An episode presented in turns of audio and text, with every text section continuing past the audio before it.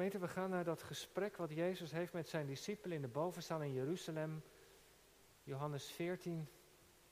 En we lezen daar vanaf vers 15 tot en met 26. Dat is ook tevens de schriftlezing voor deze zondag, die Wezenzondag heet. Een onderdeel van het gesprek van de Jezus met zijn leerlingen. En daar zegt hij tegen hen, Johannes 14, vers 15, als u mij lief heeft, neem dan mijn geboden in acht. En ik zal de Vader binnen en hij zal u een andere trooster geven, opdat hij bij u blijft tot in eeuwigheid. Namelijk de geest van de waarheid. Die de wereld niet kan ontvangen, want zij ziet hem niet en kent hem niet. Maar u kent hem wel. Want hij blijft bij u en zal in u zijn. Ik zal u niet als wezen achterlaten, ik kom weer naar u toe, nog een korte tijd. En de wereld zal mij niet meer zien, maar u zult mij zien, want ik leef en u zult leven. En op die dag zult u inzien dat ik in mijn Vader ben en u in mij. En ik in u. Wie mij geboden heeft, die in acht neemt, die is het die mij lief heeft. Wie mij lief heeft, hem zal mijn Vader lief hebben. En ik zal hem lief hebben en mijzelf aan hem openbaarden. Dat is meer nog bekendmaken. Judas, niet Iscariot, zei tegen hem, Heer, hoe komt het dat u, zich, dat u zichzelf aan ons zult openbaren en niet aan de wereld? En Jezus antwoordde en zei tegen hem, als iemand mij lief heeft, zal hij mijn woord in acht nemen. Mijn vader zal hem lief hebben en wij zullen naar hem toekomen en bij hem intrek nemen. Wie mij lief niet lief heeft, neemt mijn woorden niet in acht. En het woord dat u hoort is niet van mij, maar van de Vader die mij gezonden heeft. Deze dingen heb ik tot u gesproken terwijl ik bij u verblijf, maar de trooster, de Heilige Geest die de Vader zenden zal, in mijn naam, die zal u in alles onderwijzen en u in herinnering brengen alles wat ik u gezegd heb. Tot zover de lezing uit de schrift. Dit zijn niet zomaar woorden, dit zijn de woorden van God. Het woord van de Heer Jezus, ik zal jullie niet als wezen achterlaten. Thema van de preek nooit meer alleen. Allemaal verbonden met het Bijbelgedeelte van vanmorgen. Daar denken we over na en luisteren naar wat God tot ons te zeggen heeft. Gemeente van Christus, broeders en zusters, u hier in de kerk en thuis verbonden. Wat hebben wij nodig om te kunnen geloven? Wie zorgt ervoor dat het geloof in ons leven kan gaan ontkiemen? Hoe houden we het vol? Geloven, zo moeilijke dingen in ons leven gebeurden. Wie zorgt ervoor dat we de Jezus lief krijgen, dat we Hem gaan gehoorzamen? Het antwoord op al die vragen is eigenlijk heel eenvoudig. Daar zorgt de Heilige Geest voor. De dichter Gerrit Achterberg schrijft ergens: Wij mensen zijn een duister fenomeen. Zolang in ons leven niet het licht schijnt van de Heilige Geest. Of apostel Paulus: Niemand kan zeggen Jezus is Heer dan door de Heilige Geest. Met andere woorden, dat de boodschap van de Heer Jezus landt in ons leven, dat ons hart ervoor open gaat, dat we het gaan geloven. Daar zorgt nu de Heilige Geest voor. Jezus gaat weg, hemelvaart geweest, hij is weggegaan om plaats te maken voor de Geest. En dan zegt de Heer Jezus over die Heilige Geest, over die komst van de Geest nog dit tegen zijn leerlingen: Het is nuttig voor jullie dat ik wegga. Want als ik niet wegga, kan de troost, de geest, niet naar jullie toekomen. Het heengaan van Jezus met hemelvaart, de komst van de geest volgende week met Pinksteren, zijn dus voor de leerlingen, voor de gelovigen nuttig. Waarom? Nou, dat probeert Jezus duidelijk te maken. Omdat de geest komt om ons te helpen. En dat de Heilige Geest daarvoor belangrijk is, dat blijkt als je die gesprekken die Jezus met zijn discipelen heeft, nog eens naleest. Johannes heeft ze opgetekend in, in de hoofdstukken 14 tot en met 17. Gesprek dat hij met zijn discipelen in de bovenzaal zit. Dat onderwijs gaat daarover. Hoofdstuk 14, waaruit we hebben gelezen, gaat over de geest. Hoofdstuk 15 gaat over dat hij de wijnstok is, de leerlingen de ranken. Ze zullen, als het goed is, altijd met hem verbonden zijn. En hoofdstuk 16, daarna gaat ook weer over de Heilige Geest. Blijkbaar vond de Heer Jezus voordat het Pinkster werd belangrijk om zijn leerlingen, zijn discipelen over de Geest te vertellen. Wat hij zou komen doen en waarom dat belangrijk was. En je proeft al gaandeweg, als je die hoofdstukken wat doorleest, je proeft bij de discipelen ook een zekere verwarring. Misschien ook wel een zekere teleurstelling, een zekere ontreddering.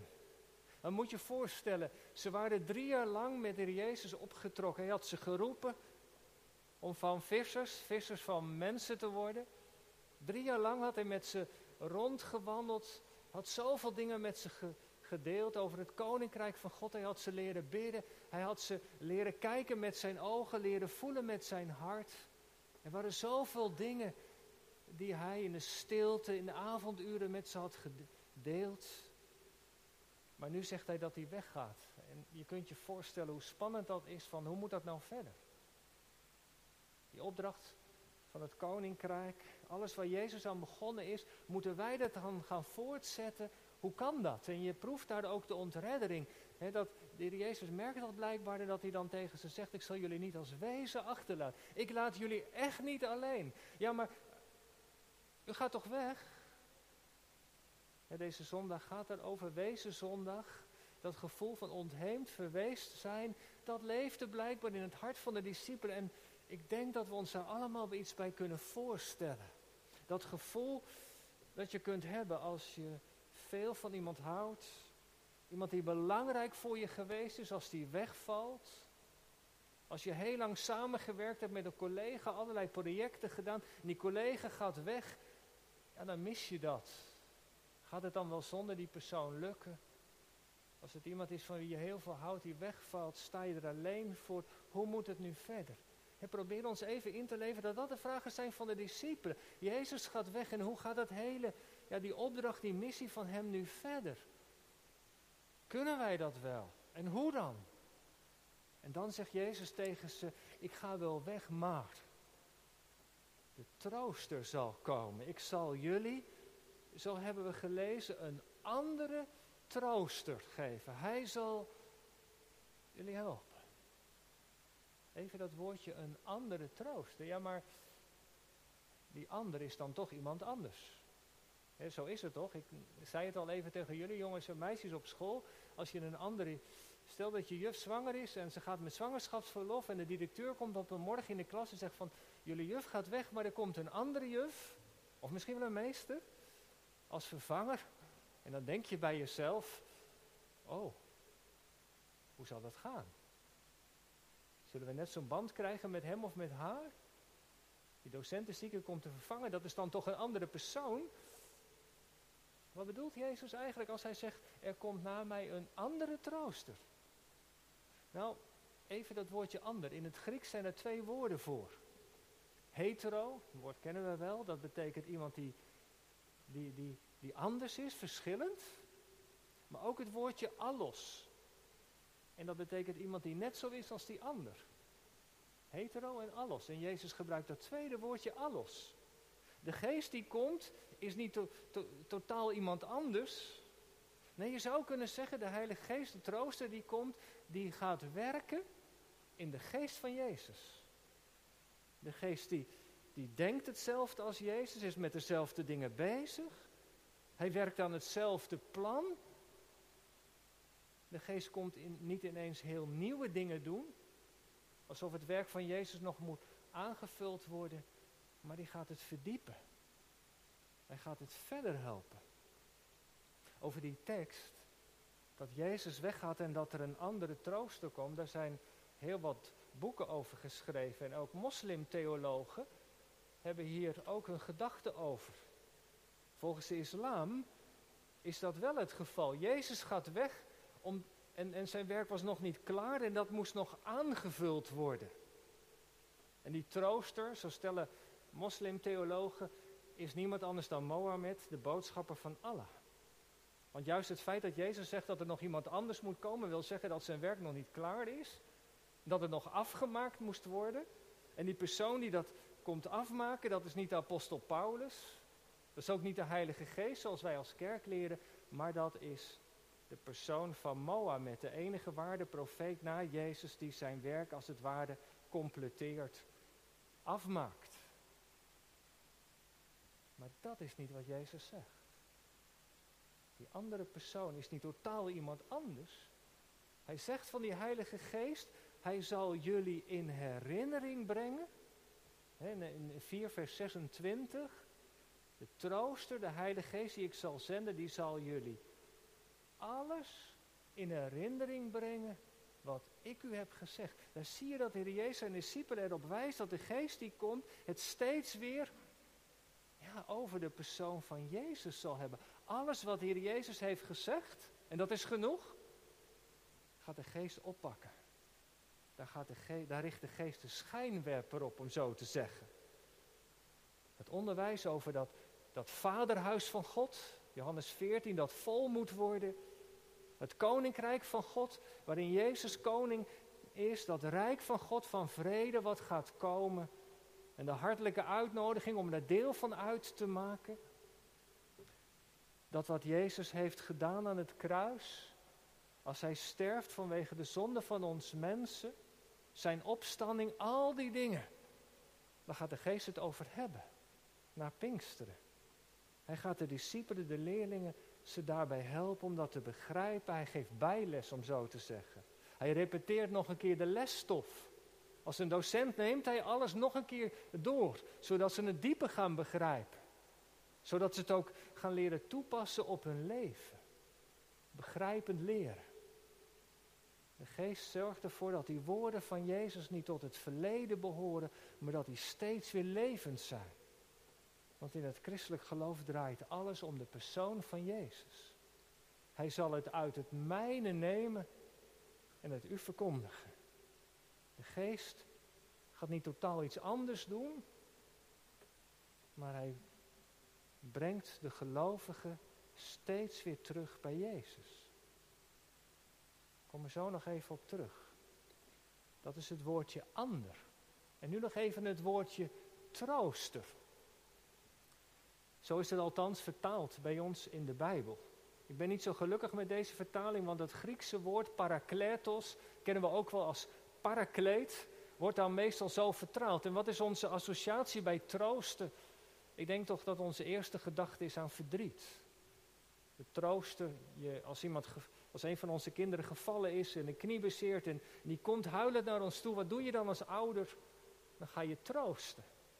Troost heeft met verdriet te maken. Dat doet de Heilige Geest gelukkig ook, maar dat is hier niet het punt. Soms wordt de Heilige Geest, wordt dat woordje parakleet vertaald met advocaat, pleitbezorger. De Geest die ons als een advocaat verdedigt bij God. Wij zijn mensen die zonde doen, we staan van God schuldig. Rechtbanksituatie en dan komt de Geest als onze advocaat, die begint ons te verdedigen. Ook dat beeld is niet zo passend. Gaat hij dan voor ons pleiten om verzachtende omstandigheden? Dat het allemaal wel goed bedoelen of zo? Dat het allemaal niet zo erg is wat we hebben gedaan? Nee, dat past ook niet echt. We ontvangen vergeving door wat Jezus aan het kruis heeft gedaan, door in Hem te geloven. Dat woordje parakleet is samengesteld. Para betekent erbij, ernaast. En kleed, kletos, dat komt van roepen. Iemand die erbij geroepen wordt. Misschien kunnen we het woordje maar het best onvertaald laten als parakleet. De geest is iemand die erbij geroepen wordt om te helpen. Iemand die ernaast geroepen wordt. Om de gelovigen te komen helpen. En dat is nou precies. Ik ga weg, maar er komt iemand die bij jullie zal zijn en die zal jullie verder helpen als de parakleet. Ja, zeg je? Wat doet die parakleet dan? De geest die met Pinksteren wordt uitgestort, wat komt hij dan doen? Ik wil drie dingen noemen vanmorgen. En het eerste heeft met geloven te maken. Die geest die komt, die helpt ons om te geloven. Je zou kunnen zeggen, de geest is als de wind die blaast. En die blaast ons naar Jezus toe. Die inspireert onze gedachten naar Jezus toe.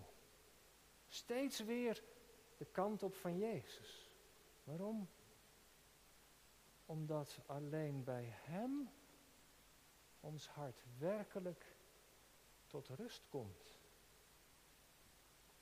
Ons hart is onrustig totdat het rust vindt in Jezus. Die fluisterstem, die kunnen we negeren, die kunnen we van ons afdrukken.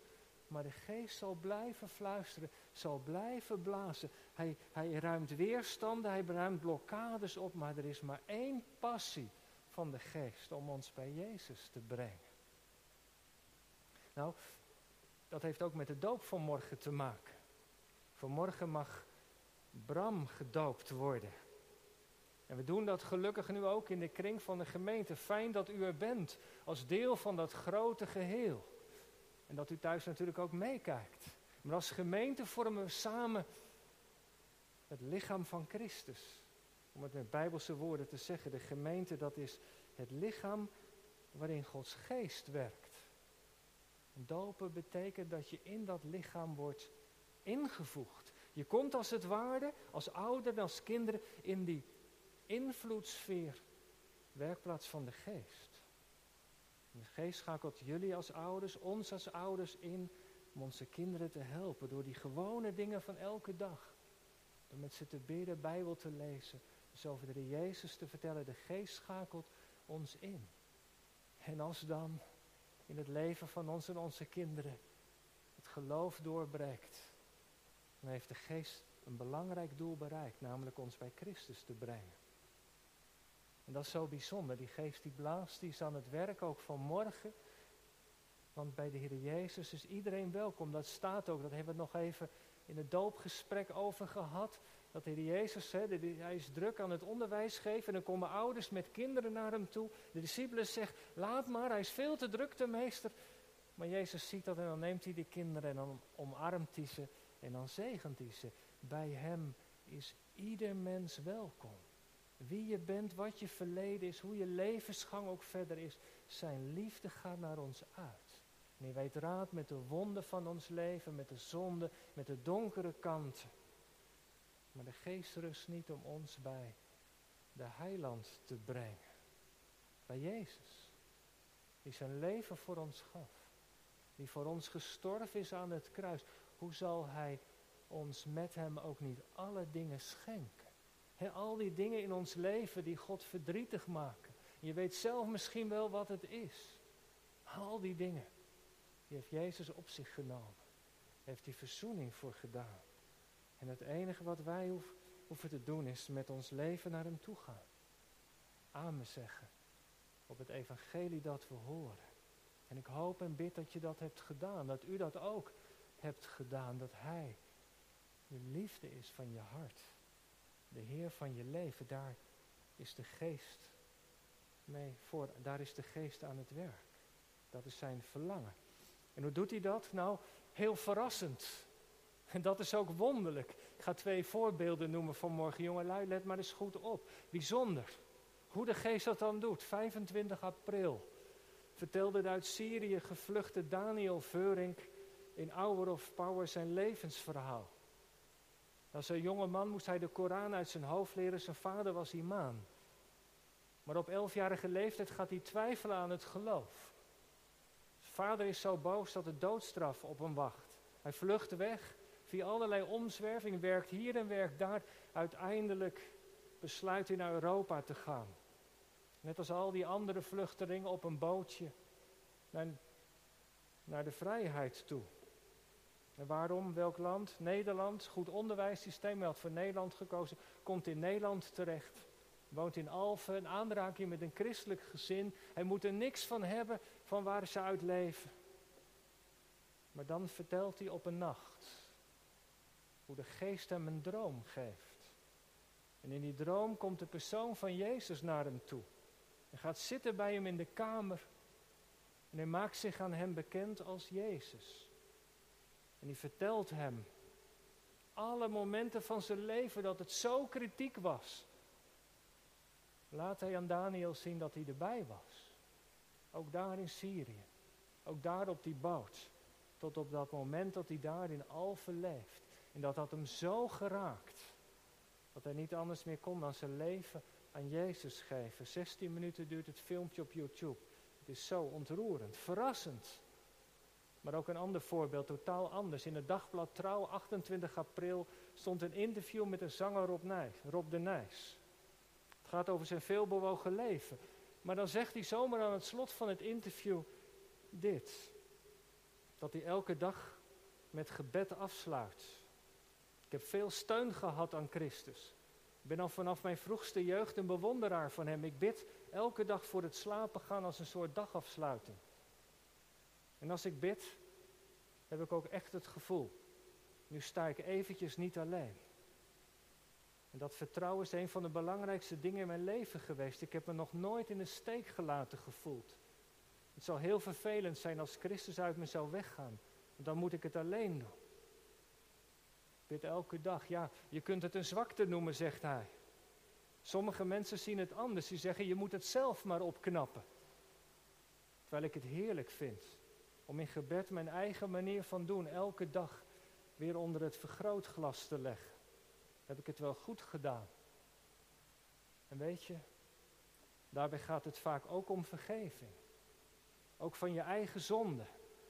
Want niemand is natuurlijk brandschoon. Daar kan ik het uren met Christus over hebben.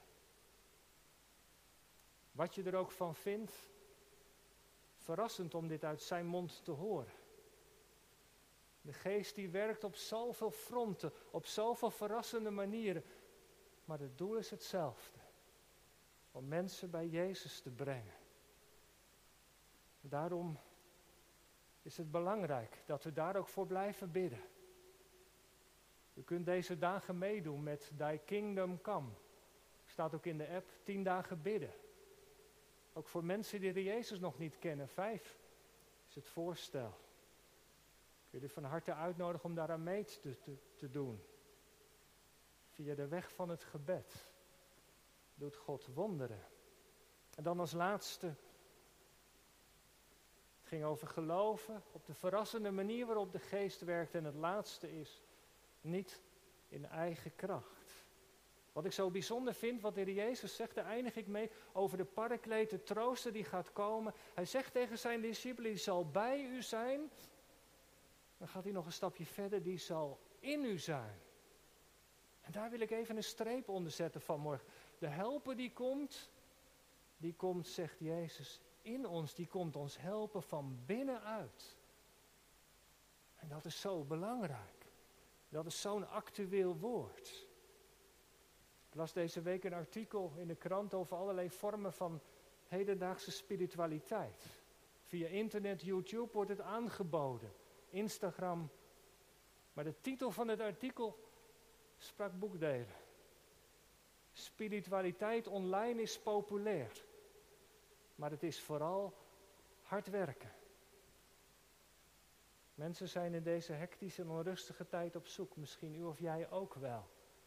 Maar om, om de rust te vinden, moet ze zo hard werken. Dat was de strekking van het artikel. En ook in de kerk kunnen we zo druk en activistisch zijn. Maar die belofte van de parakleet, daar leg ik de vinger bij, is nou juist dat we het niet in eigen kracht hoeven te doen. De helper die komt, die wil komen. Woon in ons leven om ons van binnenuit te helpen.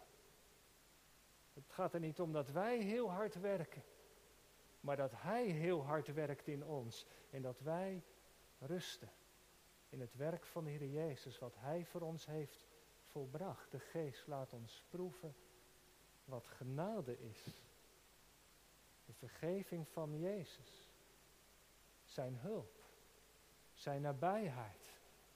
Daar hoeven wij niets voor te doen. Wij mogen het met open handen ontvangen.